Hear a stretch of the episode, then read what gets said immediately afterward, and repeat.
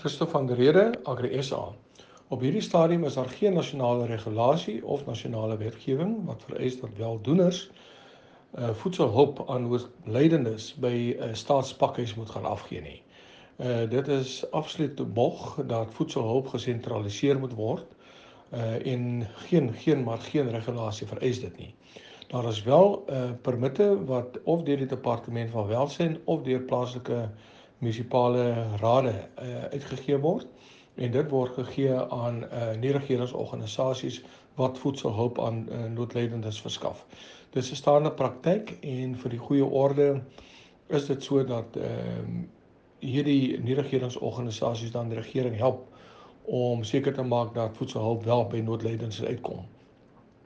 Uh baie goeie praktyk op hierdie stadium is wel om die uh saam met nie-regeringsorganisasies te werk wat 'n permit het uh en dan ook seker te maak dat hulle die polisie in kennis stel indien daar voedsel uh, afgegee word want wat jy wil verhoed is die sametromming van mense en die oortreding van enige van hierdie inperkingsmaatreëls.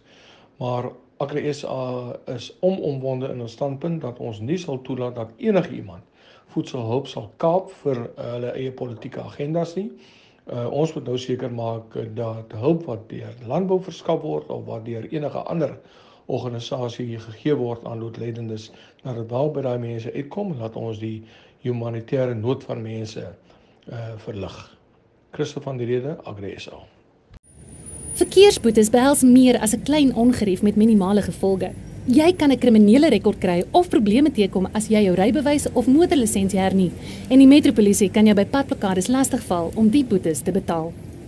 Fines for you vir minder moeite met verkeersboetes deur hul te monitor en vinnig, wettelik en effektief af te handel sodat jy nie die ongewenste gevolge hoef te dra nie. Ons spesialiseer in groot vlote en streef daarna om jou geld te bespaar. Kontak ons gerus op 011 867 7331 of besoek ons webtuiste by www.finds4u.co.za.